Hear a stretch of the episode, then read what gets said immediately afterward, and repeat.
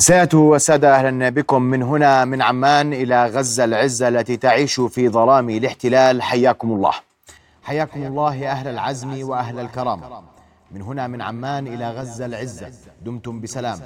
فظلام وإن طال لا بد له وأن ينجلي من هنا من عمان لكم يا أهلنا وإخواننا في غزة سلام. من هنا من عمان فلتكن ساعات الليل الطويلة الظلماء بردا وسلاما عليكم أجمعين.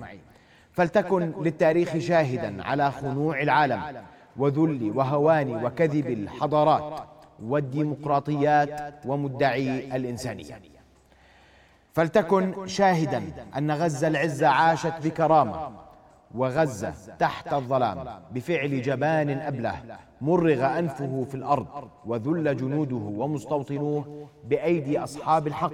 وأصحاب الأرض ومن هم باقون إلى آخر قطرة دم على أرضهم كل أرضهم أرض فلسطين رؤيا بودكاست نواصل وإياكم هذه التغطية لليوم الخامس على التوالي من طوفان الأقصى وعدوان الاحتلال الغاشم على غزة وأهلها وجنوب لبنان وعموم فلسطين. وأبدأ الليلة بضيفي الدكتور ممدوح العبادي الوزير الأسبق. مساء الخير معليك أهلا بك في نبض بلد. وقبل ما أبدأ حوار حول تفاصيل في تاريخ يتحدث عما يحدث اليوم. في تاريخ يقول لماذا يحدث كل ما يحدث اليوم. شكرا لكم والحقيقة أنا بشكركم على هذه المشاهدات اللي بتشوفوها في قضية أساسية هي قضية الفلسطينية جاء ببالي وأنا بالطريق جاي. ذكرني بالوالد حكى لي يابا إحنا سكان رأس العين. بعمان أنا ولدين بعمان حدثت جنازة أكبر جنازة في تاريخ الأردن في ذلك الوقت سنة 1948 وكان الجنازة للشهيد محمد الحنيطي الضابط الأردني الذي استقال من الجيش الأردني وذهب إلى حيفا وقاد معارك ضد الإسرائيليين وقتل هناك. المهم ففي واحد جار إنه قديم بيقرا وبكتب عرفت هذا قال يا عمي أنتم مبسوطين على الجنازة هاي.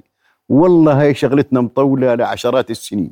هذا الحكي حكى لي أبوي وأنا صغير. يعني بمعنى القضية الفلسطينية هي ليست وليدة يعني المعركة هاي ولا اللي قبلها ولا قبلها الحلم اليهودي أصلا يقول ب يعني الناس ما بتقرأ. اقرأ يا أخي النشيد الوطني الإسرائيلي اليهودي. إيه بقول لك يا عمي هاي بلادنا من الشرق إلى الغرب وبحكي لك عن عن أشياء لو بتحب التلفون أقرأ لك إياه عن النشيد الوطني الإسرائيلي اللي بيقول إحنا هذه من كنعان إنا ومصر إنا وبابل إنا وسيوفنا ستخرق صدوركم وما أعرف إيش وكذا. هذا الحلم الإسرائيلي والنشيد الإسرائيلي عندهم. لكن العمل اللي صار سايكس بيكو وسايكس بيكو صار بداية الحرب العالمية الأولى جابوا اليهود تباعا من العالم كلياته على فلسطين. صارت حرب ال 48 صارت فلسطين دولتين دولة إسرائيلية ودولة المملكة الأردنية الهاشمية الضفة الغربية. لحد ال 87 من ال 48 لحد ال 87 لم يحدث أي شيء في فلسطين. هدوء مطلق. حتى الضفة الغربية من ال 67 لل 78 هدوءا 87 هدوءا مطلق. حتى بدأ الحجر. وعندما بدأ الحجر بدأت تتحول القضية الفلسطينية من قضية عربية إلى قضية فلسطينية في القيادة. هذا الحجر ساوى نقلة نوعية بحيث أنه أصبحت فلسطين تكتب على الخارطة في العالم بالمعنى الحرفي وبدأ آه، يعني الضغط العالمي حتى صار آه، عودة المنظمة التحرير داخل داخل داخل فلسطين. هلأ بعد ذلك سنة 2016 صار جنوب لبنان والذي الذي حدث في معركة 2016 عندما انهزم الجيش الإسرائيلي ونفس اليوم اللي انتهى فيه استقال رئيس الأركان الإسرائيلي واستقال وزير الدفاع. ثم انتقلنا إلى مرحلة متقدمة أخرى وهي سيف القدس. سيف القدس أصبح هناك سنة 2021 أصبح هناك شيء اسمه صواريخ تضرب تل أبيب. شيء طول تاريخ إسرائيل ما في دخلوا ملاجئ في تل أبيب إلا بسيف القدس 2021 ثم هدأت الأمور وبدأت المفاجأة الكبرى في السابع من أكتوبر التي جعلت من القضاء يعني معركة فاصلة في 7 أكتوبر بحيث أن نقلت المعركة لأول مرة على أرض فلسطين. واستطاعوا المقاومين الذين سطروا شيء الحقيقة ما حدا كان يتوقعه ويمكن أنا دائما بيحكوا الناس إنه القوة اللي دخلوا بقول أنا هذا تخطيط صار له على الأقل بين ست أشهر وسنة. نعم. كيف لا يتسرب إلى العدو الإسرائيلي؟ دلالة ليست على فطنة المخابرات أو عدمه لا الإسرائيلية ليس على فطنتهم بل بنظافة وشرافة وشرف الذين قاموا بهذا التدريب ولم يسرب أي خبر للإسرائيليين لذلك كيف الآن صارت هاي؟ نعم كيف صارت؟ كل الناس اليوم آه. تسأل هاي كيف صارت؟ بسألك أنا كيف صارت؟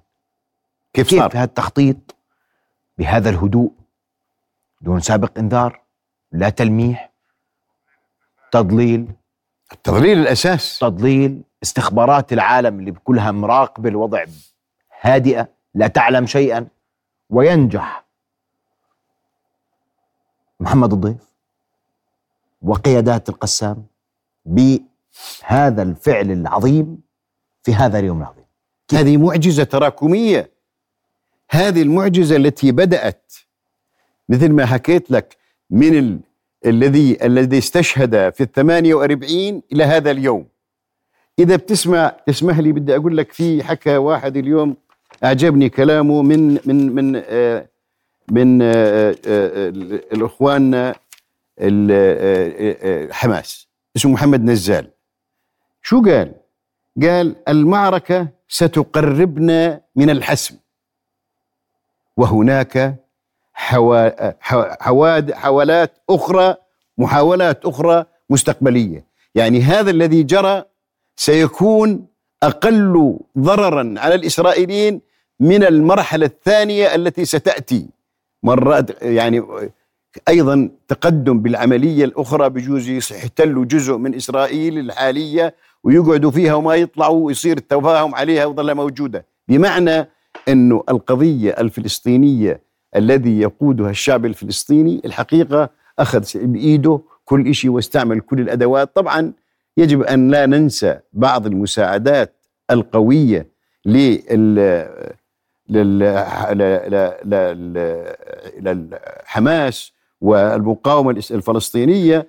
ولذلك أنا بعتقد بأن الذي يجري هو مرحلة من المراحل وخطوة من الخطوات التي ستأتي بعدها.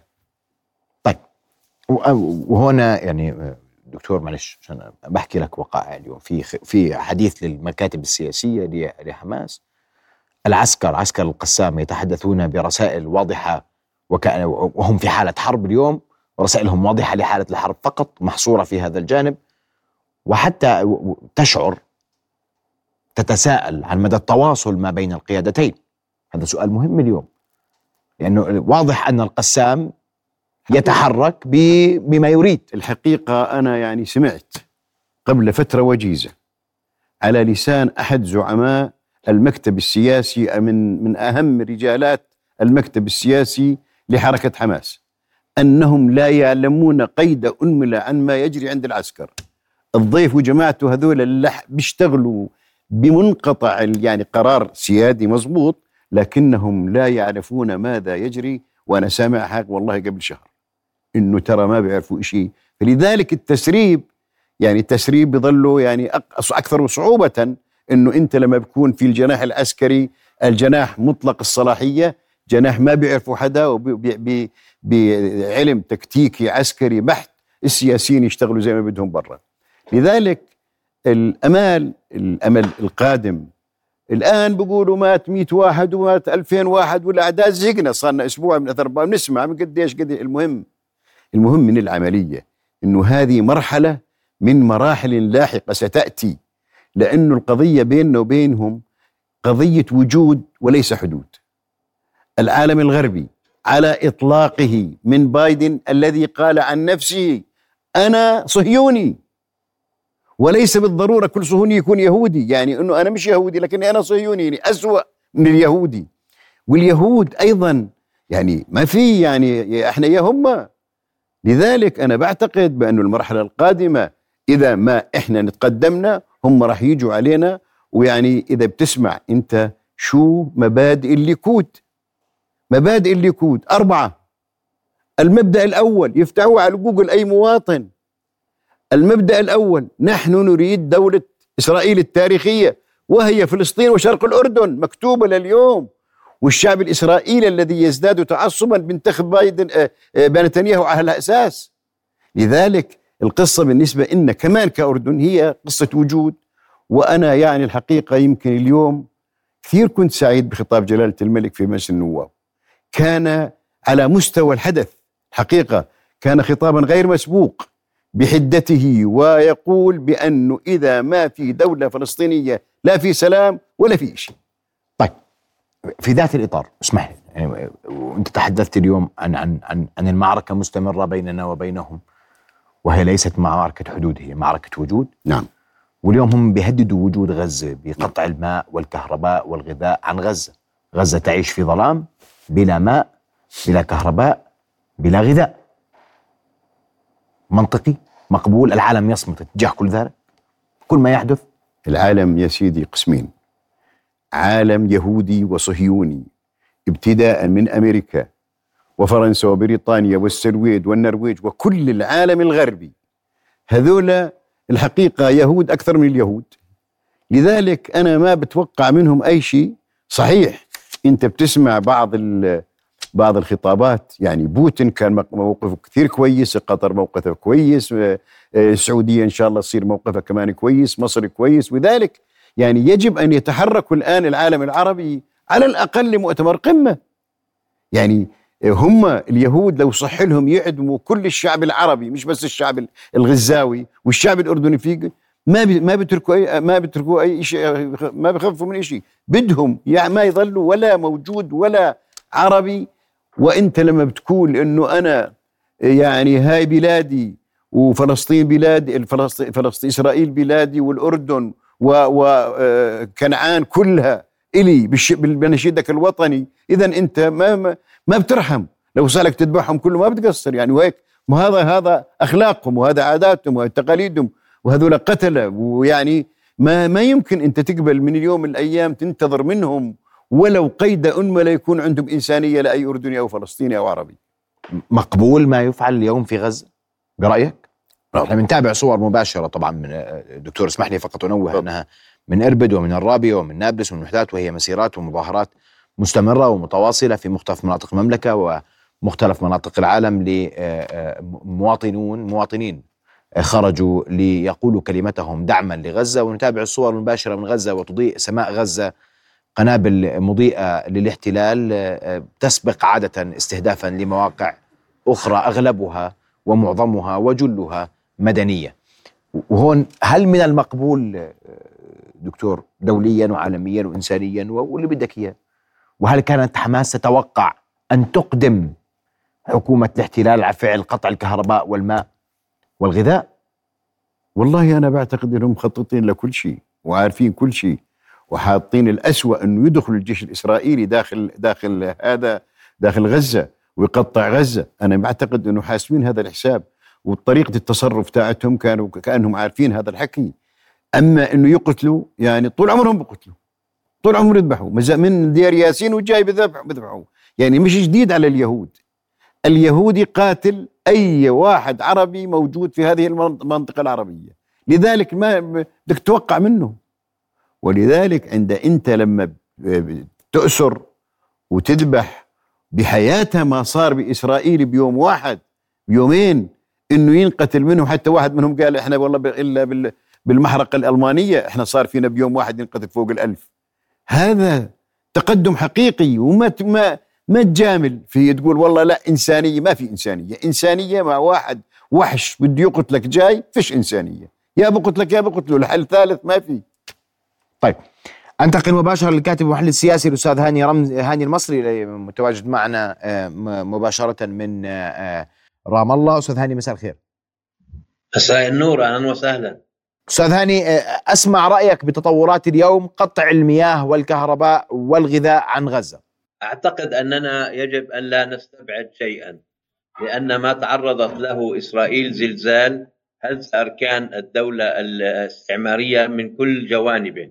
وهذه الدولة ستحاول أن تستعيد هيبتها بكل ما تملك من قوة. وهي أيضا لا عمرها لم تعر الأخلاق أو القانون أو العدالة أو الإنسانية أي اعتبار. لذلك ستحاول استخدام كل شيء العقوبات الجماعية الإبادة البشرية التهجير يعني تدمير الشجر والحجر وكل والمستشفيات والجامعات وضرب سيارات الاسعاف وكل ما تستطيع عمله لأن الجيش الإسرائيلي جيش جبأن لأنه لا يريد أن يدخل غزة إلا بعد أن يدمرها الا بعد أن يهجر سكانها لأنه إذا دخل غزة بدون ذلك سيتعرض لمقاومة كبيرة جدا ولكنه يخطئ في الحساب لأن المقاومة تحت الأرض. والخسائر في غالبية لاحقه من المدنيين ومن الأطفال ومن النساء ومن الشيوخ. كما تقول الاحصائيات إحصائيات وزارة الصحة. وبالتالي لجوء العدو للحصار بشكل كامل هذا متوقع لأنه لا يستطيع أن يخوض معارك مجابهة ومعارك عسكرية وإنما يتقن القتل والمزيد من القتل والدمار والمزيد من الدمار. ولكن أنا أقول دائما إذا كانت القوات الإسرائيلية لم تستطع ان تحسم أمر المقاومة في مخيم جنين وهو مخيم صغير وكيلومتر واحد. ودخلت القوات الإسرائيلية إلى هذا المخيم عدد لا يحصى من المرات وحاولت أن تنهي المقاومة ولكنها لم تستطع. فكيف يمكن أن تنهي المقاومة في قطاع غزة؟ وخاصة أن المقاومة موجودة ليست فقط في القطاع موجودة في الضفة الغربية ليست بالأشكال التي نراها في قطاع غزة ولكن كما لاحظنا خاصة في العامين الأخيرين أن هناك تصاعد كبير في المقاومة وأن الأسباب التي ادت إلى طوفان الأقصى هي أسباب كبيرة جدا وعميقة جدا. يكفي أن أقول أن هذه الحكومة الإسرائيلية الأكثر تطرفا وعدوانية طرحت خطة اسمها خطة الحسم. ماذا تعني هذه الخطة؟ تعني أن هذه الحكومة تعتقد أنها قادرة على حسم أمر القضية الفلسطينية وتصفيتها من كل أبعادها وأن تحقق ما لم تحققه الحكومات الإسرائيلية السابقة. وهذا أعلنوه في برنامج هذه الحكومة لأول مرة بشكل صريح ومباشر نقطة تتعلق بضم الضفة الغربية والتهجير والتهويد. وهذا أمر لا يخفونه لا يعترفوا بالشعب الفلسطيني. دعا سموتريتش بعظمة لسانه لمحو حواره. الآن يحاولون محو قطاع غزة. هل محو حواره حتى يستطيعوا أن يمحوا قطاع غزة؟ لا لا. وخاصة أن الصمود الفلسطيني سيؤدي إلى تفاعلات عربية ودولية ويمكن أن تفتح جبهات أخرى مثل الجبهه الشمالية. هذه الأمور لا يجب أن نأخذها بالحسبان. وما آه، جعل بايدن أن يحضر كل هذه القوات العسكرية والمدمرات وحاملة الطائرات إلا محاولة لردع آه، جبهات أخرى. ولكن لا. هذا لن يردع الجبهات الأخرى لأن يعني آه، حزب الله إذا استطاعت إسرائيل أن تقضي على المقاومة في قطاع غزة الدور اتي على حزب الله لأن المعركة ليست معركة فلسطين فقط إنها معركة خلق الشرق الأوسط الجديد هذا ما قاله نتنياهو بعظمه لسانه. هون يحاولوا أن يرسموا هذه الخريطه التي طرحت عدة مرات خلال العشرات السنين الماضية ولكنها لم تنجح. يحاولون مرة أخرى أن تنجح ولكن أعتقد أنهم الآن أضعف آه، آه، في من السابق بدليل نتائج طوفان الأقصى فقط كل التصورات. ظهر الجيش الإسرائيلي كأضعف ما يمكن اختراقه من أكبر ما يمكن عملية خداع استراتيجي وتمويه استراتيجي قامت به قوات المقاومة بصورة آه، اربكت الجيش وجعلت قواته لقمة سائغة في يد المقاتلين الفلسطينيين رغم أنهم مقاتلين لا يتحلون لا بالإمكانيات ولا بالتدريبات التي تجعلهم نعم. مستوى الجيش الإسرائيلي ولكن يملكون الدوافع ويملكون الإرادة والاستعداد للتضحية. وهذا الأمر هو الذي مكنهم من تحقيق معجزة بكل المقاييس.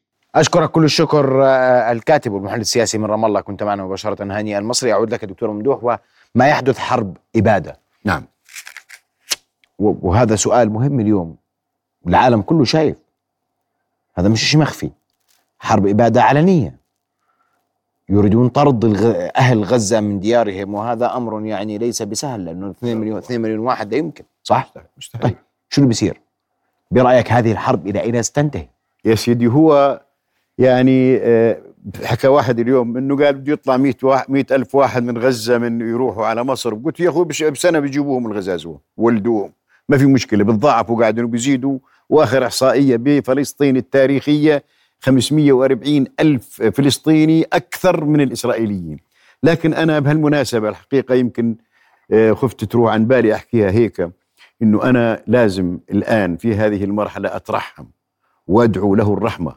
هو الملك فيصل ابن عبد العزيز ابن سعود الذي قطع البترول عن العالم كله في حرب 73 يا ريت زعمائنا العرب الآن يبدأوا يعملوا بمؤتمر قمة عربي لأنه أيضا الذي بتشوفه بغزة اليوم ما في واحد صحيح عربي حقيقي ابن أم وأم أب وأم عربية ما بثور دمه ويجب أن يضغط على على على رجالات وطنه وعلى زعماء العرب كلياتهم على عقد قمة عربية وقيام بأشياء يعني حقيقة تحارب تطرد السفير الإسرائيلي في عندنا ست سبع دول عندها سفراء إسرائيل تطردهم كلهم الستة سبعة. مع مع مع, مع, هذا لأنه هم قتلة ونحن بالأردن بدهم يقتلونا إحنا اولا قبل غيرنا لأنه إحنا على الباب على على على البعد اللي بعد هذا. لذلك أنا بعتقد بأنه الموقف العربي لا زال ضعيفا.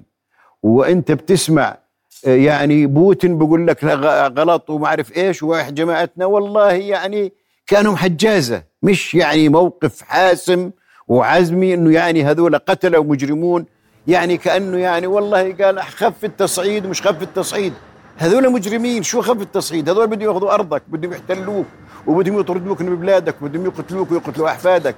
ولذلك أنا بالأردن طالبت وبطالب اليوم من خلال شاشتكم أنه يجب أن يكون هناك تجنيد إجباري قريبا وقريبا جدا ذكورا واناثا. في الأردن. وأنا كتب الأردن وأنا كتبت أنا يعني بزعل وبغار لما بشوف الجندية المجندة الإسرائيلية على الجسر وما تكون فيها بنتي قاعدة قبالها أردنية وعربية ل- ل- للحرب القادمة. وسراح يكون هناك حروب قادمة كثيرة بيننا وبين إسرائيل.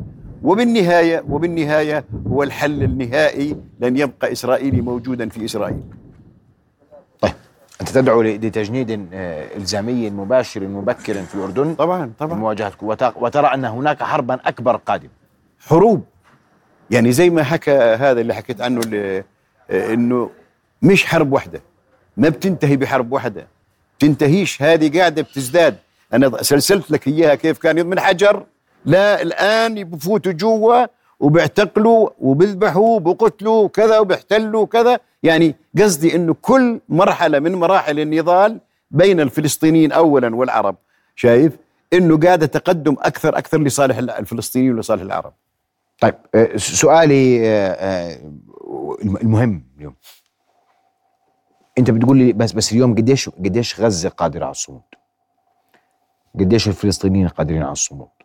قديش جبهة لبنان وفتحها قد يؤثر على وجه المعركة؟ واليوم نشهد مناوشات أوسع ما بين حزب الله والجيش وجيش الاحتلال على الحدود يعني إذا أنا عندي أنا عندي تقييم طبعا سياسي بأنه إذا ما دخلوا على إسرائيل على على غزة. بريا لن يكون هناك احتكاك بين حزب الله وبين إسرائيل.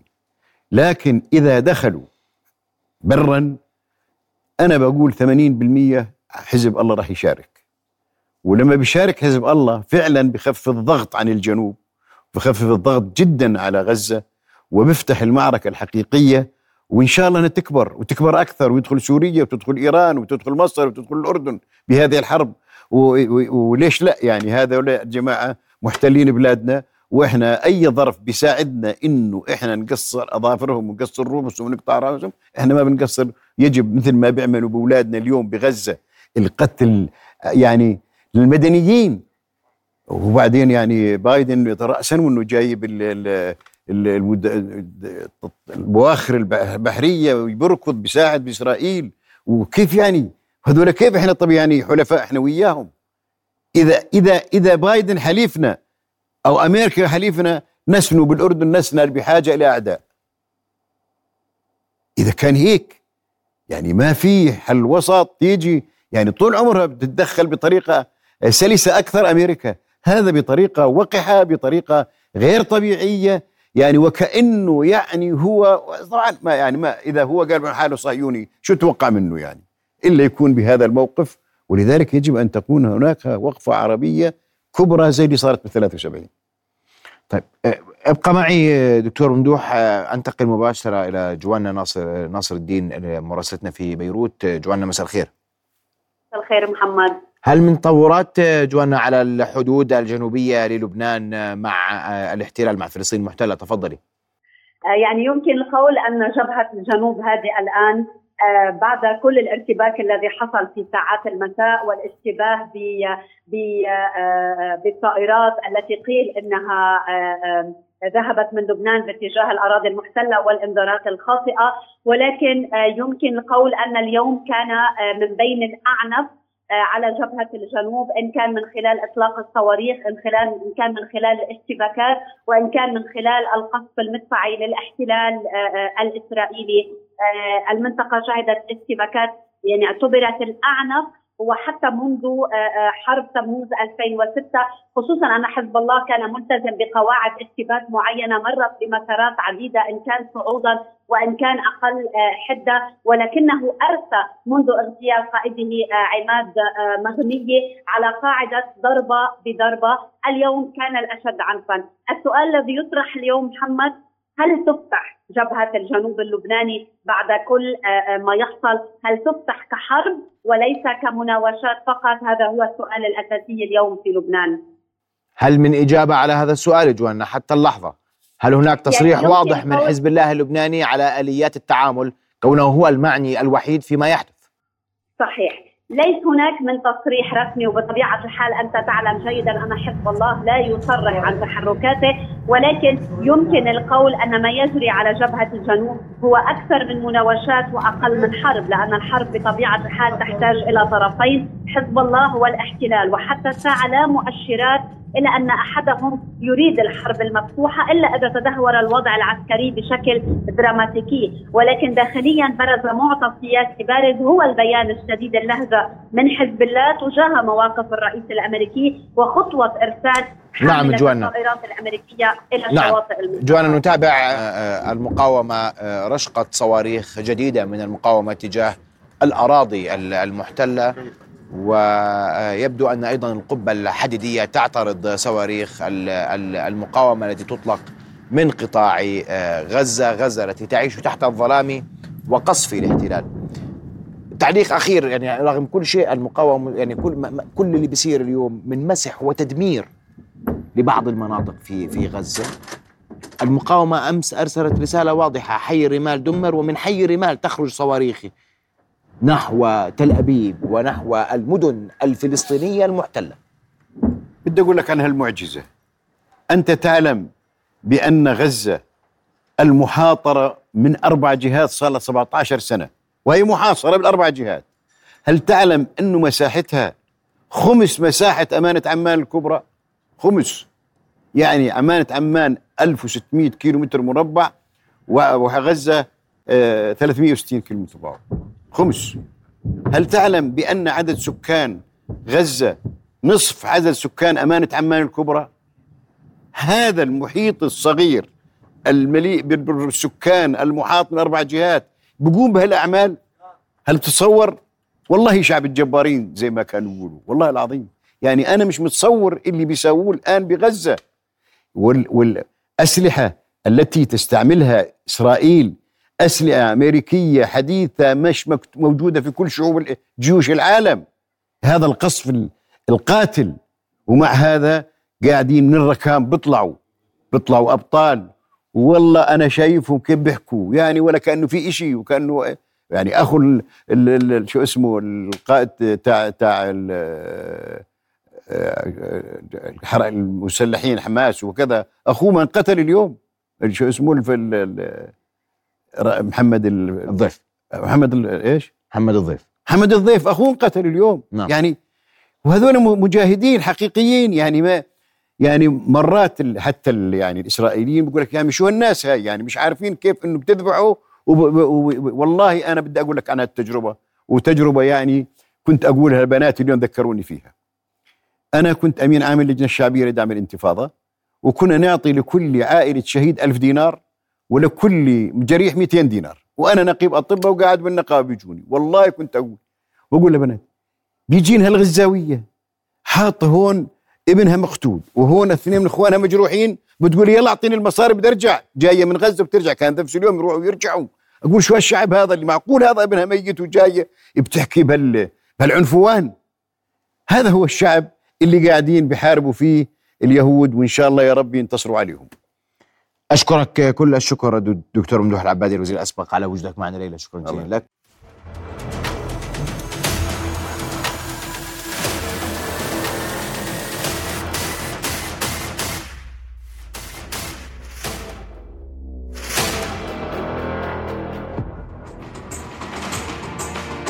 نواصل هذه التغطية من رؤية لمتابعة آخر تطورات أحداث الحرب في غزة وأرحب بضيفي الكاتب والمحلل السياسي الأستاذ سلطان حطام مساء الخير أستاذ سلطان. الخير أهلا وسهلا أهلا بك في نبض البلد آه، واهلا بك في هذه التغطية المتواصلة تسلم.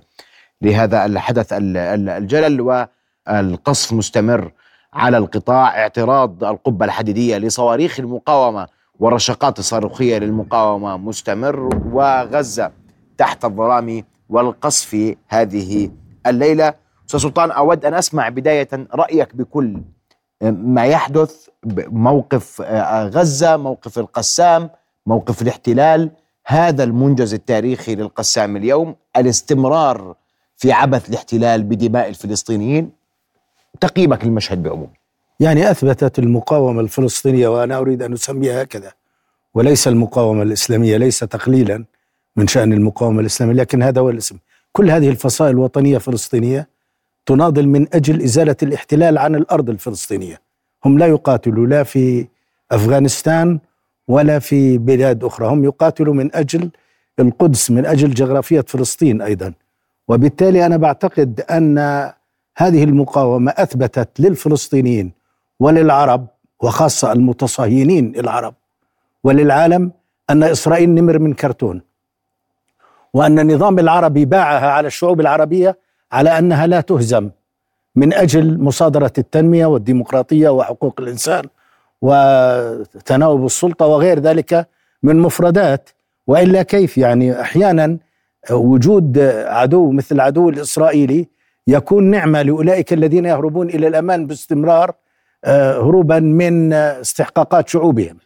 وبالتالي آه، وجدنا في الصف العربي للأسف من يستنكر فعل المقاومة دون أن يقدم شيء. هؤلاء يعني يمكن أن تسميهم بسهولة الصهاينة العرب. هؤلاء يتعاملوا مع إسرائيل ويشترون أسلحتها. يعني ال- الموازنة ال- أو التصنيع ال- ما أسمته إسرائيل بالتصنيع الدفاعي الإسرائيلي بلغ 12.5 مليار. باعوا على العرب بعد ال- الموضة الإبراهيمية. ثلاث مليارات بيعت على بلدين عربيين. أنا لا أريد أن أسمي الناس تعرف من اشترى. ولكن إسرائيل حقيقة الأمر آه، نظام هش قام على الباطل وبالتالي آه، استطاعت تراكتور مصدي يعني أو جرافة بسيطة لا, لا يزيد ثمنها عن ألف دولار أن تجتاح سياج كلفته مليار دولار لأنه بعمق 9 متر في الأرض يمنع إقامة أي خنادق أو ممرات من تحته. هذا دمر بألف دولار اللي هو جرافة قديمة ركبها سائق ربما يكون عاطل عن العمل في غزة فاض به الكيل وذهب وأزال هذا الجدار. يعني هذا جزء من الصورة. وإسرائيل تراهن الآن إن سمحت لي على الاجتياح. أي اجتياح؟ ما إسرائيل جربت التصادم بدباباتها في حرب 2007 وكانت قد خسرت 35 دبابة والمركافة حق 35 مليون دولار مقابل لغم ثمنه لا لا يصل إلى الألف دولار.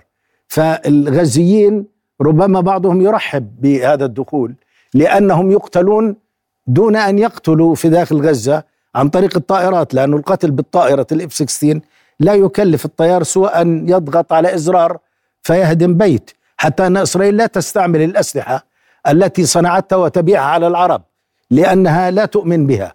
هي تستعمل الأسلوب القديم أسلوب القتل العشوائي والقصف العشوائي بالطائرات. هذه هي الصورة في الجانب الإسرائيلي الذي ثبت أنه نمر من كرتون عندما توفرت الإرادة لدى المقاتل الفلسطيني لأنه إذا توفرت الإرادة لا تعدم الوسيلة. هذا حدث في الانتفاضة الأولى. حينما توفرت الإرادة فكانت الوسيلة حجر. والآن توفرت الإرادة وبدل أن يهرب الفلسطينيون من منطقة الجدار الذي بنته إسرائيل باتجاه البحر بالعكس هربوا باتجاه أو ذهبوا باتجاه المستوطنات المدججة بالسلاح ودخلوها واقتحموها واحتلوها وانتشروا على مساحة من الأرض أوسع من قطاع غزة. كانت المساحة التي انتشر عليها المقاتلين في اليوم الأول قد وصلت إلى 400 آه إلى 400 كيلومتر مربع ومساحة غزة 364 كيلومتر مربع. يعني ولذلك قال الإسرائيليون إن هؤلاء الذين جاءونا جاءوا بصدد احتلال هذه المساحة وليس الانسحاب منها. طبعا هي الخطة هو ليس احتلالها وإنما ثبت أنهم كانوا قادرين أن يستمروا ولليوم إسرائيل تقول أن هناك جيوب فيها مقاومة وفيها من تسللوا إليها وما زالوا باقين فيها وهي تحدث عن اختراق واضح لجدارها ب- بأكمله نعم. ومنظومتها الأمنية بأكملها كل المنظومة الأمنية والاستخبارية سقطت لأنها هشة ولا أن إسرائيل لا تقاتل وجها إلى وجه إسرائيل تقاتل بوسائل أو بوساطة وتقاتل عبر أجهزة الاستخبارات بإجهاض أي طرف آخر أو إجهاض مشروعه أو التآمر عليه. يعني هكذا وذلك ثبت بال- بالقطع أو بالتجربة أن كل الحروب التي واجهت فيها إسرائيل كانت لا تنتصر وهي لا تستطيع أن تقاتل طويلا. ولذلك هي تدعي أنها تريد أن تطيل أمد الحرب وتريد أن تنتقم وتريد وتريد لكن في كل الجولات كانت هي التي توسط الولايات المتحدة الأمريكية أو غيرها من الدول والحرب هي كالعض على الإصابع. وكثير من المظلومين مثل الشعب الفلسطيني أو الشعوب التي ظلمت صمدت كانت أفراد صمدوا ولكنهم ما لبثوا أن حققوا أهدافهم. وهذا في كل الدعوات ال- الإنسانية والخيره طيب سأنتقل مباشرة إلى مراسلنا في نابلس حافظ أبو صبرة. حافظ مساء الخير. أهلا بك في نبض البلد يا حافظ. مساء الخير محمد. حافظ آخر التطورات في الضفة الغربية وهناك دعوة لإضراب آه، شامل في الضفة الغربية. حافظ تفضل. يعني تحول الأمر إلى حداد آه، في الضفة الغربية سيما مع تسجيل الشهيد الخامس خلال أقل من آه، ثلاث ساعات في الخليل في بني نعيم. استشهد طفل في السادسة عشر من عمره متأثر بجروح خطيرة أصيب بها في مواجهات اندلعت في البلدة. هذا يضاف لأربعة شهداء ثلاثة منهم الأربعة في قصرى ثلاثة ارتقوا برصاص المستوطنين والرابع برصاص قوات الاحتلال في في دلالة على تكامل دور الطرفين في القضاء على الفلسطينيين ومحاولة التخلص منهم آه، ضمن سياسة الحكومة الاستيطانية المتطرفة. قوات الاحتلال تجرم حقيقة في الشعب الفلسطيني بالضفة الغربية رغم أن ذلك ليس واضحا عبر وسائل الإعلام ال- ال- العالمية والعربية والمحلية لأن الصورة تتركز في غزة ولكن آه، آه، إطلاق الرصاص وفقا لتعليمات جديدة صوب الأطراف العليا من الجسد والمستوطنون يسلحون من أنفسهم بما يقارب ثمانية ألف قطعة سلاح وفرتها الحكومة لهم في عموم مناطق الضفة الغربية. هذا فيما يتعلق بالشهداء والمواجهات. الاشتباكات لم تتوقف أيضا لليوم الخامس على التوالي واستهدافات الحواجز العسكرية والمستوطنات مستمرة من قبل مجموعات المقاومين المنتشرة اليوم ليس في شمال الضفة الغربية فقط بل في عموم آه، أراضي الضفة الغربية. غدا سيكون في نابلس يوم حداد وأعتقد بأن بقية المحافظات ذاهبة لإعلان هذا الحداد أيضا. في ظل آه، آه، ال- العدوان المستمر على عموم الأراضي الفلسطينية بالتحديد القدس والضفة الغربية وغزة. ويعني هناك دعوات لمسيرات غاضبة تخرج إلى آه، مراكز المدن وإلى مناطق التماس تبعا لما حدث هذه الليلة تابعتم منذ قليل عبر شاشة رؤيا مسيرة خرجت وسط نابلس لحركة حماس وقبلها مسيرة خرجت في رام الله. هذه المسيرات أيضا كانت مماثلة في كل المدن ال- الفلسطينية. في الشارع الفلسطيني في الضفة الغربية عند الحديث عن اجتياح بري لقطاع غزة يقول الفلسطينيون بأن قوات الاحتلال بالتكنولوجيا المتطورة لديها عسكريا لم تنجح في اجتياح مخيم جنين وهو الذي لا يملك قدرات عسكرية متطورة كتلك التي تمتلكها المقاومة الفلسطينية في غزة. فشلت في اجتياح مخيم نور شمس ومخيم طول كرم وهم لا يمتلكان التكنولوجيا العسكرية التي تمتلكها المقاومة في غزة. إذا كيف تهدد آه، آه، إسرائيل باجتياح قطاع غزة؟ وهي التي فجرت آه، مركبة النمر العسكرية التي يقدر سعرها بمليون دولار بعبوة ناسفة تصنع محليا في داخل مخيم جنين من أدوات بدائية وقد لا تكلف المقاومين 200 شيكل يعني أي ما يعادل 40 دينار. فهذا ما يدور الحديث عنه في الضفة الغربية إضافة إلى أنه الأمور تتدحرج ويعتقد الفلسطينيون بأن الضفة الغربية ستشتعل أكثر فأكثر تبعا لاستمرار استهداف المدنيين في قطاع غزة واستمرار استهداف الفلسطينيين في ظل الحديث عن 28 شهيد منذ يوم فجر السبت السابع من أكتوبر وما يقارب ال 550 آه، جريح من بينهم عدد من الجرحى بإصابات خطيرة وآخرهم قرب بيت فوريك شرق نابلس. قبل قليل أصيب شاب بجروح خطيرة في منطقة الظهر. نعم. أشكرك كل الشكر حافظ أبو صبرة. نترقب يوم غد آه، الحديث عن إضراب إضراب شامل وحداد واسع في الضفة الغربية.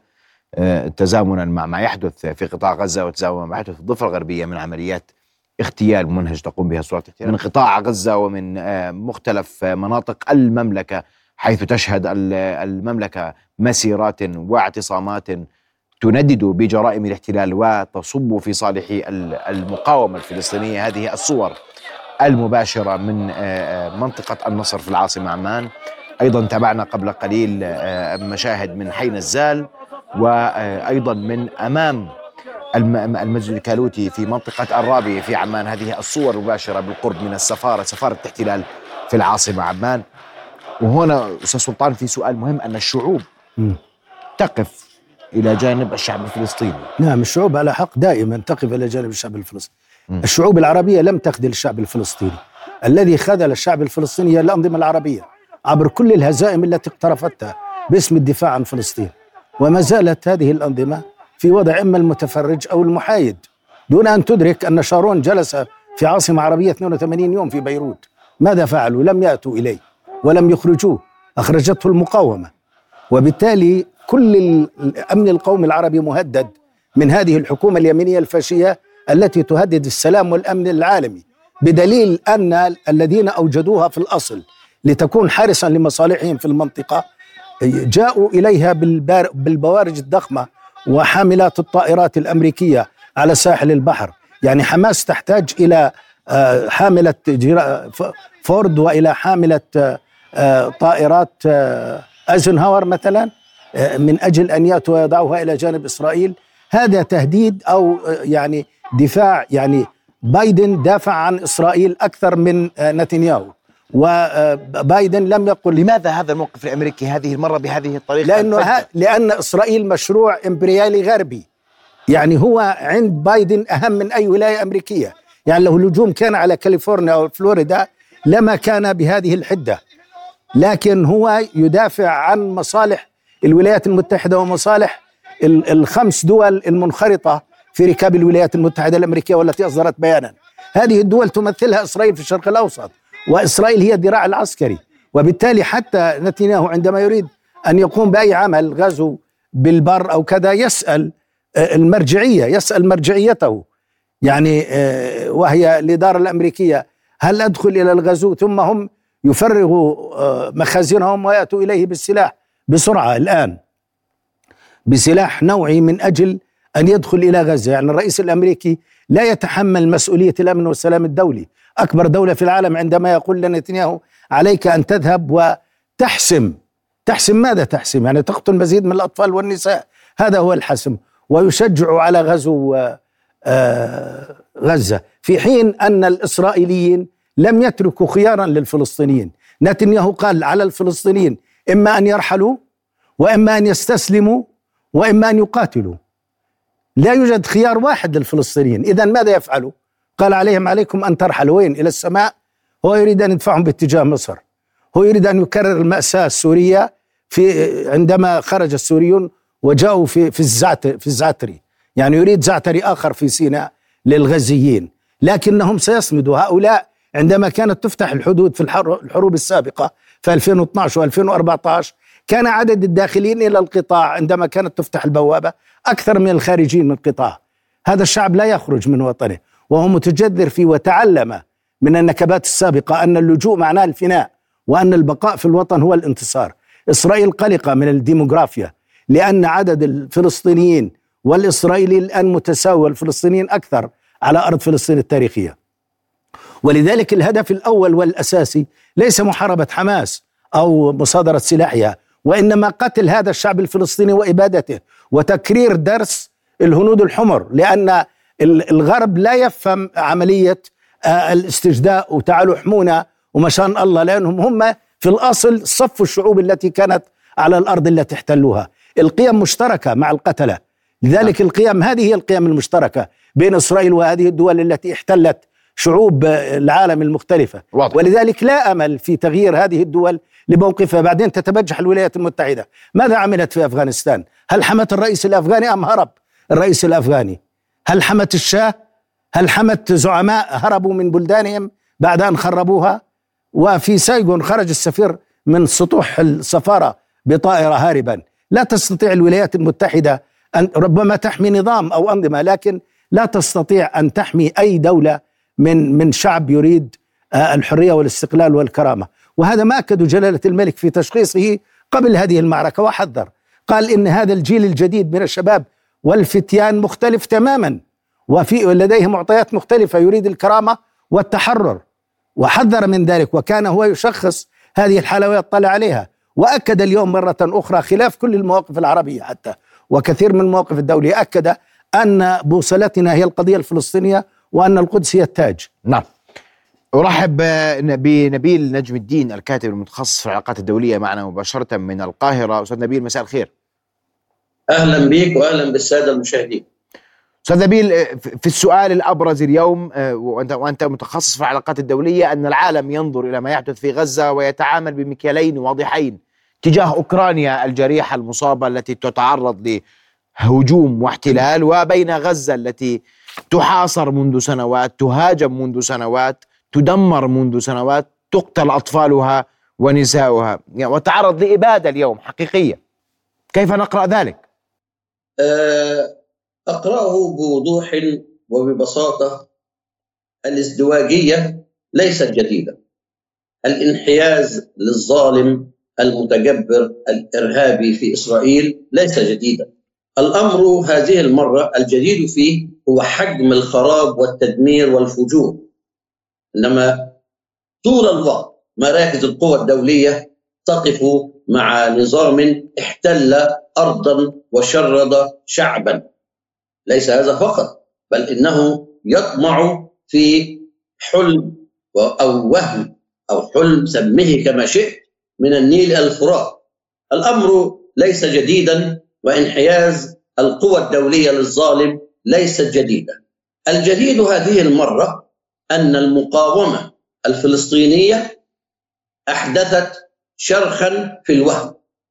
المقاومة الفلسطينية جعلت العواصم ترتعد وجعلت البنتاغون وزارة الدفاع الأمريكية تبعث بواحدة من أعتى حاملات الطائرات في العالم. لماذا؟ لأن الشعب الفلسطيني عرف طريقه هذا هو الجديد والطريق هو المقاومة ولا بديل لها واليوم السؤال عن المواقف العربية والدولية تجاه الحل الوحيد المتوفر أمام الشعب الفلسطيني اليوم الذي فقد كل الأمل في أي عملية سياسية نتيجة لتغطرس العالم وليس وليس غطرسة فلسطينية أساسا. أخي الكريم إن الله لا يغير ما بقوم حتى يغيروا ما بأنفسهم. اليوم على رام الله وعلى جماعة السلطة الوطنية الفلسطينية أن تختار بوضوح تختار مسار الدولة التي لم تكتمل أم مسار الشعب الذي يقاوم. زعماء القوى الفلسطينية المختلفة عليهم اليوم أن يختاروا الوقوف مع الشعب الذي يقتل ليل نهار والعالم لا يتحرك أم يقفوا مع الأجندات الخاصة بكل قوة. أخي الكريم إن الله لا يغير ما بقوم حتى يغيروا ما بأنفسهم. على كل الفلسطينيين اليوم الوقوف معا. وعليهم أن يدركوا أن عذابات الشعب الفلسطيني في غزة وفي غير غزة والام الفلسطينيين خارج الأراضي المحتلة تستحق منهم أن يقدموا اعتذارا صريحا مباشرا لهذا الشعب العظيم. بعد ذلك نتكلم عن القوى الدولية ونتكلم عن العواصم العربية. أشكرك كل الشكر أستاذ نبيل نجم الدين الكاتب المتخصص في العلاقات الدولية. كنت مباشرة معنا من القاهرة. أشكرك على وجودك معنا. أعود لك آه، أستاذ سلطان. والسؤال اليوم كل هذا شايفينه وكنا عارفين بده يصير. بمعنى الغطرسة غطرسة الاحتلال. وأنا سؤالي اليوم هل كانت حماس؟ تتوقع كل ما ما يحدث اليوم على الأرض؟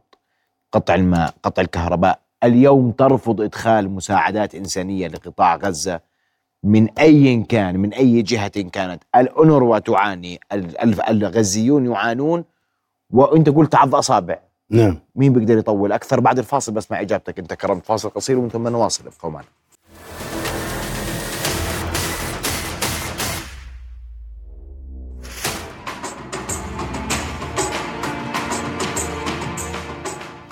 نواصل التغطية وأعود قبل الاستماع لإجابة ضيفي على السؤال لحافظ أبو صبرة أو سيكون معنا بعد قليل حافظ أبو صبرة من نابلس مباشرة حيث مسيرة أخرى هناك تنطلق دفاعا عن المقاومة في غزة وعن غزة وعما يحدث فيها ودعما لما تقوم به المقاومة اليوم وأسمع إجابتك أستاذ سلطان على موضوع عض الأصابع وعلى ما نعم.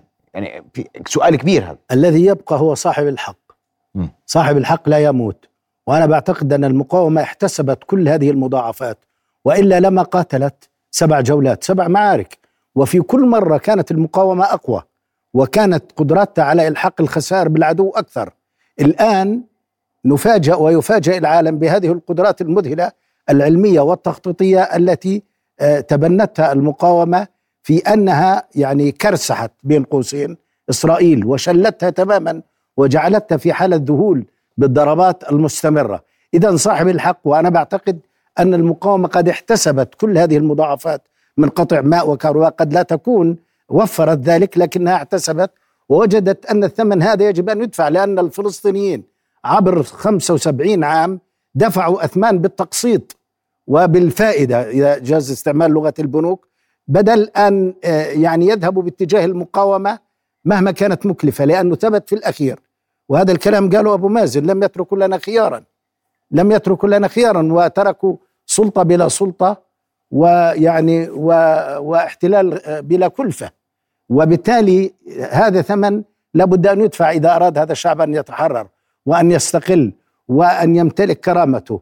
ولا يستطيع أحد أن يمنعه من المقاومة. حتى كل هذا الغرب الفاجر لا يستطيع لأن الشرعية الدولية والشرعية الدينية والشرعية الإنسانية والشرعية كل أنواع الشرعيات أعطى المحتل لماذا تدعم؟ شرعية الوجود اليوم. نعم حياة أو موت لماذا تعطوا أوكرانيا حق المقاومة وتدعموها بكل ما أوتيتم وتبخلوا على الشعب الفلسطيني الذي يقطع عنه الماء؟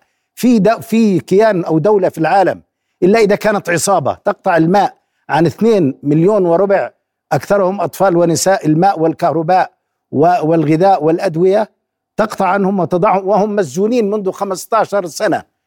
هل يلام السجان الذي يخت... يقتلع قفل السجن؟ أم يلا... هل يلام السجين الذي يقتلع قفل السجن؟ أم يلام السجان؟ العالم يريد أن يلوم السجين. هذا سجين غزة مغلقة. يعني غزة في وضع كان أسوأ مما عليه الضفة الغربية. لأنها مغلقة. لا يستطيع أحد أن يغادرها. لا يستطيع أحد أن يدخل إليها. لا يستطيع أحد أن يستورد. أو أن يعمل شيء. اذا هي فاقدة لحريتها وبالتالي وجد الغزيون أنه لا بد يعني إذا مع فارق التشبيه إذا أنت بتضع قط في الجدار على الجدار ولا تجد له منفذا يهاجمك وهو قط. فكيف بشعب 2.4 مليون حكم عليهم أن يموتوا جوعا وعطشا؟ كيف؟ والعالم يتفرج. أين هي القرارات الشرعية الدولية؟ أين القرارات الإنسانية؟ أين مقررات مؤتمرات جنيف؟ كيف هؤلاء القادة الكبار في بريطانيا وألمانيا وإيطاليا والولايات المتحدة يقبلوا ذلك؟ كيف يقبلوا؟ ألا يعتبر العرب أنه يمكن لعواصمهم إن كانوا أرادوا حريتهم واستقلالهم أن تحاصر بنفس الطريقة؟ ما الذي يمنع؟ ما في تجربة شارون في بيروت؟ نعم.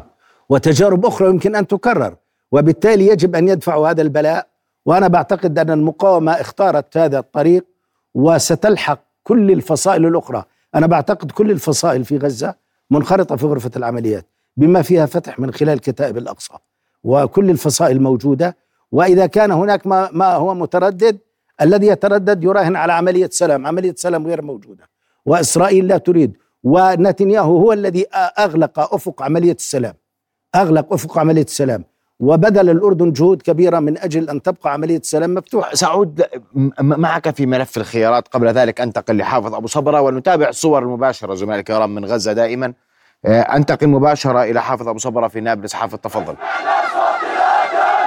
نعم محمد يعني بعد المسيرة التي نظمتها حماس قبل نصف ساعة من الآن هذه مسيرة أخرى تخرج وسط المدينة. هي عبارة عن مجموعات شبابية من مخيمات محافظة نابلس من مخيمي بلاطة وعسكر قدموا إلى هنا إلى وسط المدينة بعد أن كانوا آه، آه، يعني شاركوا في حاجز حوارة إلى الجنوب من المدينة.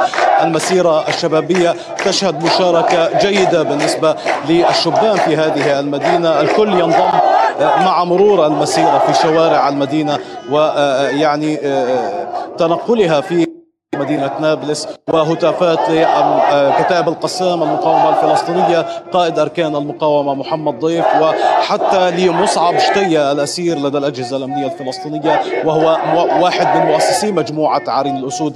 طبعا هذه المسيرة لربما كانت استجابة لدعوة مجموعات عرين الأسود التي تخرج تقريبا كل يوم في بيانات عبر منصتها على قناة تيليجرام وتطالب المواطنين الفلسطينيين بالخروج وتقول بأنه هي جزء من الحالة الاشتباكية الموجودة على الأرض.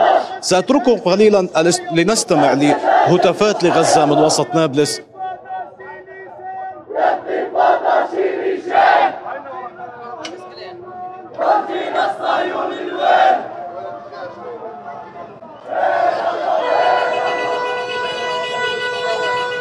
إذا محمد على ما يبدو أن الشبان قرروا العودة للمخيمات. هذه المسيرة ستصل إلى مخيمات نابلس مجددا وتستنفر الناس تتبعها مسيرة للمركبات تطلق أبواقها. وهذه الحالة نشهدها لربما كل ليلة هنا في نابلس وفي محافظات أخرى في عموم الضفة الغربية. تبعا لأن الضفة الغربية أصلا تغلي وما يجري في غزة يزيد من حالة الغليان في هذه المناطق. ويعني الشهداء التي ترتقي أيضا في الضفة الغربية مع 28 شهيد منذ فجر السبت وما يقارب ال 256 شهيد ما قبل عدوان الاحتلال على قطاع غزة ارتقوا في مختلف أنحاء الضفة الغربية خلال اقتحامات الاحتلال وعدواناته المتكررة نعم. التي كانت تستهدف أوساط المدن الفلسطينية ومخيمات الضفة الغربية بالتحديد شمالا سواء جنين أو طول كرم أو نابلس أو حتى في أريحة حيث مخيم عقبة الجبل أشكرك كل الشكر حافظ أبو صبرة كنت معنا من مسيرة ثانية انطلقت في نابلس. أشكرك كل الشكر حافظ. أعود لك أستاذ سلطان والخيارات. خيارات عند من؟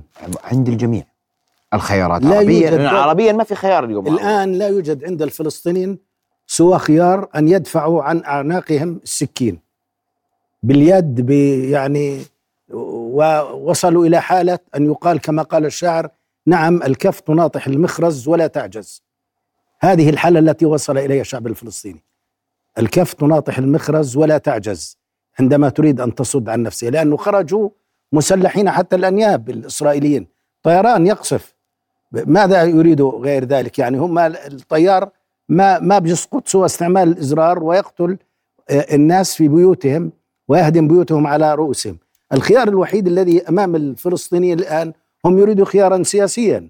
لكن آه، نتنياهو وحكومته اليمينيه المتطرفة أغلقت آه، أفق العملية السياسية تماما رغم ال- الحديث العربي الكثير وخفض التصعيد وتباري النظام العربي على أن يظهر نفسه يعني وكأنه يوقف الحرب بين داحس والغبراء. يعني أصبحوا كلهم حكماء وكلهم يريدوا خفض التصعيد وكلهم يحملوا الجلاد والضحية بنفس الموازين.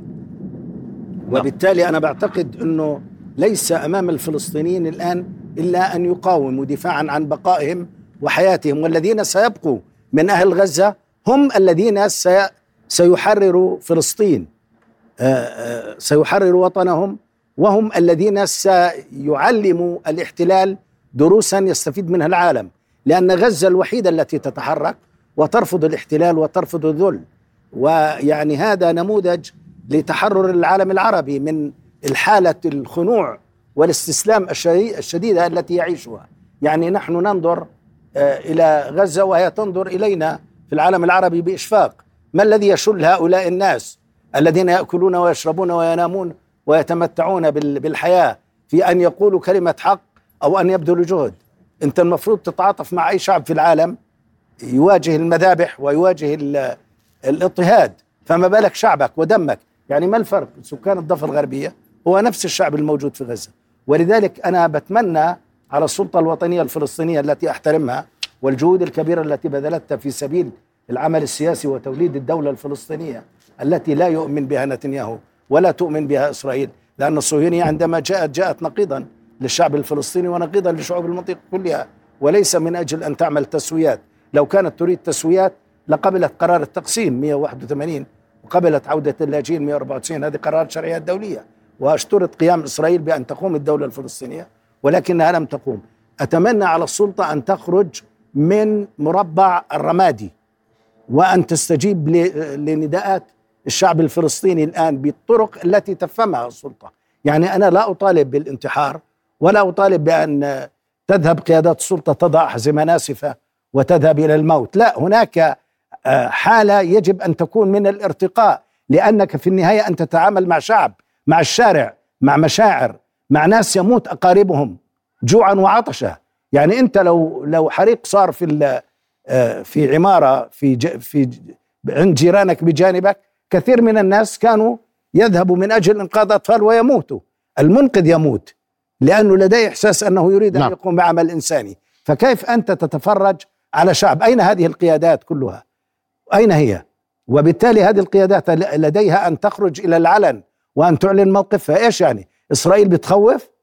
طب ما إسرائيل ما خوفت سواق التراكتور اللي اجتاح الحاجز ولا خوف تملك السلطة خيارات اليوم نعم تملك كثير من الخيارات. تملك شعب عظيم أن تحركه بالاتجاه الأهداف الوطنية. تملك خيارات. لماذا لا تملك؟ تملك خيارات. دائما كان الشعب الفلسطيني أعظم من قياداته تاريخيا منذ أن نشأت القضية الفلسطينية. وهذا الشعب من 1882 وهو يقاوم. منذ أول مستوطنة في ملبس بتحتك فجوار نابلس ومستوطنة نهارية التي أقامها اليهود الألمان والشعب الفلسطيني يقاوم. والشعب الفلسطيني كانت قيادات بعض قياداته قبل 48 تعتقد أنه يمكن التفاهم مع الانتداب البريطاني ويمكن تحييده ويمكن الشكوى إليه. وبقيت هذه المسألة قائمة مثل الذين يرون أنه يمكن التفاهم مع الولايات المتحدة. وبقيت هذه هذه الحالة قائمة إلى أن استشهد عبد القادر الحسيني في معركة القسطل في نيسان 1948 عندها عندما استشهد عبد القادر الحسيني بعد أن ذهب إلى دمشق وخذلته القيادات العربية والجامعة العربية ولم تعطيه سلاحا خاطبهم الرسالة منشورة. يجدها الإنسان على النت. خاطبهم قائلا سأذهب لأستشهد وتتحمل مسؤولية دمي.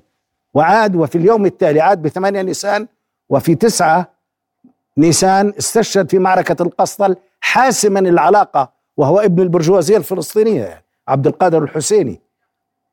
يعني قريب المفتي الحسيني وقريب كاظم الحسيني استشهد لأنه أدرك أن الشعب الفلسطيني لم يعد له تحالفا من الدول الاستعمارية أو الدول التي تؤيد الحركة الصهيونية.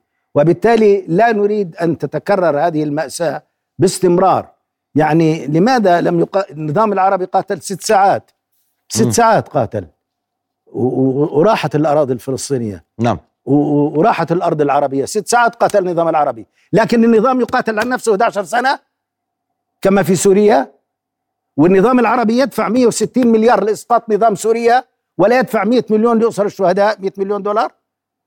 هذه أسئلة تجعل الإنسان يعني يفقد صوابه ما, الذي تنتظرونه عندما تسلموا هذا الشعب العظيم للموت وتخذلوه؟ ما الذي تنتظرونه؟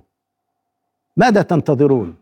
أليس هناك حمية لدى هذه القيادات التي المليئة بالجنرالات المدججين بالأسلحة والطائرات والدبابات واختراع العدو؟ يعني الولايات المتحدة هي التي تقرر من هي العدو وتقول لهم استديروا باتجاهه. هذا عدو وهذا ليس عدوا. هذه اللعبة انتهت. إن لم تستطع هذه الأنظمة يعني أن تبقي هذا لعبة ال- الضحك على الشعوب العربيه التي تموت الآن من قلة الماء والكهرباء وأوضاعها بائسة في العالم العربي ومصادره حرياتها من أجل ماذا؟ من أجل إنه نريد أن نضمن لكم الديمقراطية نعم. والحرية، هذا كله لم يتوفر ولم يضمنوا الكرامة لشعوبهم، لم نشعر بالكرامة إلا ب- عندما اكتشف المقاتلون أن إسرائيل نمر من كرتون ودخلوا عليها في عقر دارها وأداروا المعركة في الأرض التي احتلتها منذ عام 48 معتقدة أنه كما كانت تقول جولدا ماير أين هو الشعب الفلسطيني؟ لا يوجد شعب فلسطيني. نعم اكتشفوا أن هناك في شعب فلسطيني حتى نتنياهو عندما رفع خارطة العالم العربي وظللها باللونين ال- آه، ظلل إسرائيل بالأزرق والعالم الع... وجزء من العالم العربي بال- بالأخضر لم. لم يضع لا خارطة لا للضفة الغربية ولا لغزة هو لا يعترف لا بالشعب الفلسطيني ولا بوطنه ولا بحقه. هذا الشعب الغير معترف به والمغيب حضر فجأة وقال أنا موجود. نعم. اسمحوا لي أن أرحب أيضا بأستاذ علم الاجتماع السياسي دكتور صلاح الدين بن فرج من تونس. دكتور صلاح مساء الخير. أهلا بكم وبكافة المستمعين. مرحبا بكم. دكتور صلاح ال- ال- الجميع يتساءل اليوم آه، في علم الاجتماع السياسي في ما حدث آه، تفسير ما حدث ومآلات ما حدث. تفضل. نحن بكل تأكيد أمام لحظة سياسية ولحظة ميدانية ومجتمعية فاصلة ومفصلية أيضا في تاريخ القضية ككل. اليوم هناك نقلة نوعية. حصل آه، تخطيط استراتيجي. نحن انتقلنا من التكتيكي إلى الاستراتيجي. بالفعل اذا على مستوى كسب القضية آه، هناك اليوم اذا نقلة حصلت نقلة نوعية مسنودة ب- لا بأحلام أو بمجرد يعني آه، تمنيات أو بإجراءات محدودة إنما بنصر فعلي ميداني تكنولوجي تقني. استخباراتي ميداني وبتعبئة تعبئة جاهزة رغم كل ما يحصل الآن من مآسي، اذا هذه اللحظة غير مسبوقة غير مسبوقة بحجم حجم آثارها، حجم نتائجها وحجم تبعاتها أيضا في نفس الوقت. نعم ويعني بالتالي الكل عندما نقيم نقيم موضوعيا المسألة نحن فعلا نعيش لحظة فارقة في تاريخ القضية. هذا بكل تأكيد اليوم. نعم. دكتور صلاح مآلات كل ذلك لحظة فارقة التاريخ يعني سيحفظ هذا اليوم في في ذاكرته ولن يستطيع أحد م- محي هذا التاريخ. لكن ما بعد ذلك كيف سيكون الحال؟ نحن أولا آه، يجب أن نفصل الأشياء عن بعضها البعض. هناك أشياء يمكن أن آه، آه، من- نراها ربما بمنطق ال- الربح والخسارة نخسرها تكتيكيا في الحين. لكن كون نخسر القضية هذا مستحيل. مهما كانت التضحية لأنه اليوم ثبت بالفعل أن ال- المقاومة هي ثقافة. والقضية هي ثقافة وليست مجرد يعني ثقافة راسخة عبر تنشئة كاملة مجتمع يعني اجتماعي هناك عناوين ظهرت اليوم عناوين رائعة. هناك أحد العناوين الذي يجلب الاهتمام. بمجرد بكلمتين قيل في إحدى الصحف ال- ال- الفرنسية لقد كبر الأولاد. من نعم. هم هؤلاء الأولاد؟ هم أولاد الانتفاضة. هؤلاء هم الذين بدأوا بالحجارة وانتقلوا إلى الطائرة. هؤلاء الذين مروا يعني ب يعني آه، آه، المسألة ليست مسألة نزوة أو مرحلة أو شيء لا هي ثقافة كاملة. هي ثقافة يعني مت- متأصلة عليها مسائل يعني متصلة بالمؤسسات الاجتماعية للتنشئة من أسرة من يعني فثقافة متكاملة. بالتالي لا يمكن أن نتكهن أو نتوقع مهما كانت الخسارة المادية الحينية أن تنتهي القضية لأنها لو كانت ستنتهي لانتهت منذ سنوات لانتهت منذ آه، ما قبل. إذا لنطمئن حول مصير القضية الذي يطمح الصهاينة إلى إلى أنهم يحسمون المسألة وتنتهي القضية. هذا لا سبيل إليه. أشكرك كل الشكر دكتور صلاح الدين من فرج أستاذ الاجتماع السياسي. كنت معنا مباشرة. من تونس كلمة أخيرة أستاذ سلطان تفضل. يعني كلمة أخيرة أنه لا يضيع حق وراءه مطالب. وكما قال محمود درويش قتل الثعلب في برج حمامة سوف أرثيها وسأحمي البرج ولست أستعجل ميلاد القيامة. ميلاد القيامة قادم على يد الشعوب العربية المقهورة من أنظمتها والمتوهجة من النصر الذي حدث. قدم الفلسطينيون نموذجا لأمتهم ليغسلوا عنها العار تفضلوا هذا نموذج. لا يجوز الدخول في جدل إن كان هذا المقاتل على حق أو على باطل. العرب كانت تقول لا يسألون أخاهم حين يندبهم على ما قال في على في الحق برهانة. يعني لا يسألون لماذا لما تستنجد به. الرواية الفلسطينية حقيقية والقضية الفلسطينية تحتاج إلى رواية حقيقية وعلى العرب أن يؤمنوا بهذه الرواية. وهذا النموذج المقدم يجب أن يؤخذ به. ظل الناس تقول أن الفلسطينيين عليهم أن يفعلوا. الآن فعلوا. اقتلوا أنفسكم بهذه الطليعة التي فعلت. ولا تخافوا ولا تترددوا. ما الذي سيحدث؟ هذا هو في الأخير واحد بيقول عنا جميعا كعرب نتفرج يعيب الشوم. بس أحسن تعبير يعيب الشوم. لأنه غير قادرين أن نوصل إلى غزة علبة دواء مايكروم أو لفافة قطن لطفل قطعت يده أو جرح. وغير قادرين أن نوصل عبوة ماء أو طعام. غير قادرين. أي أي أمة هذه؟ أستاذ سلطان الحطاب الكاتب والمحلل السياسي أشكرك كل الشكر على وجودك معنا إلى رؤيا بودكاست.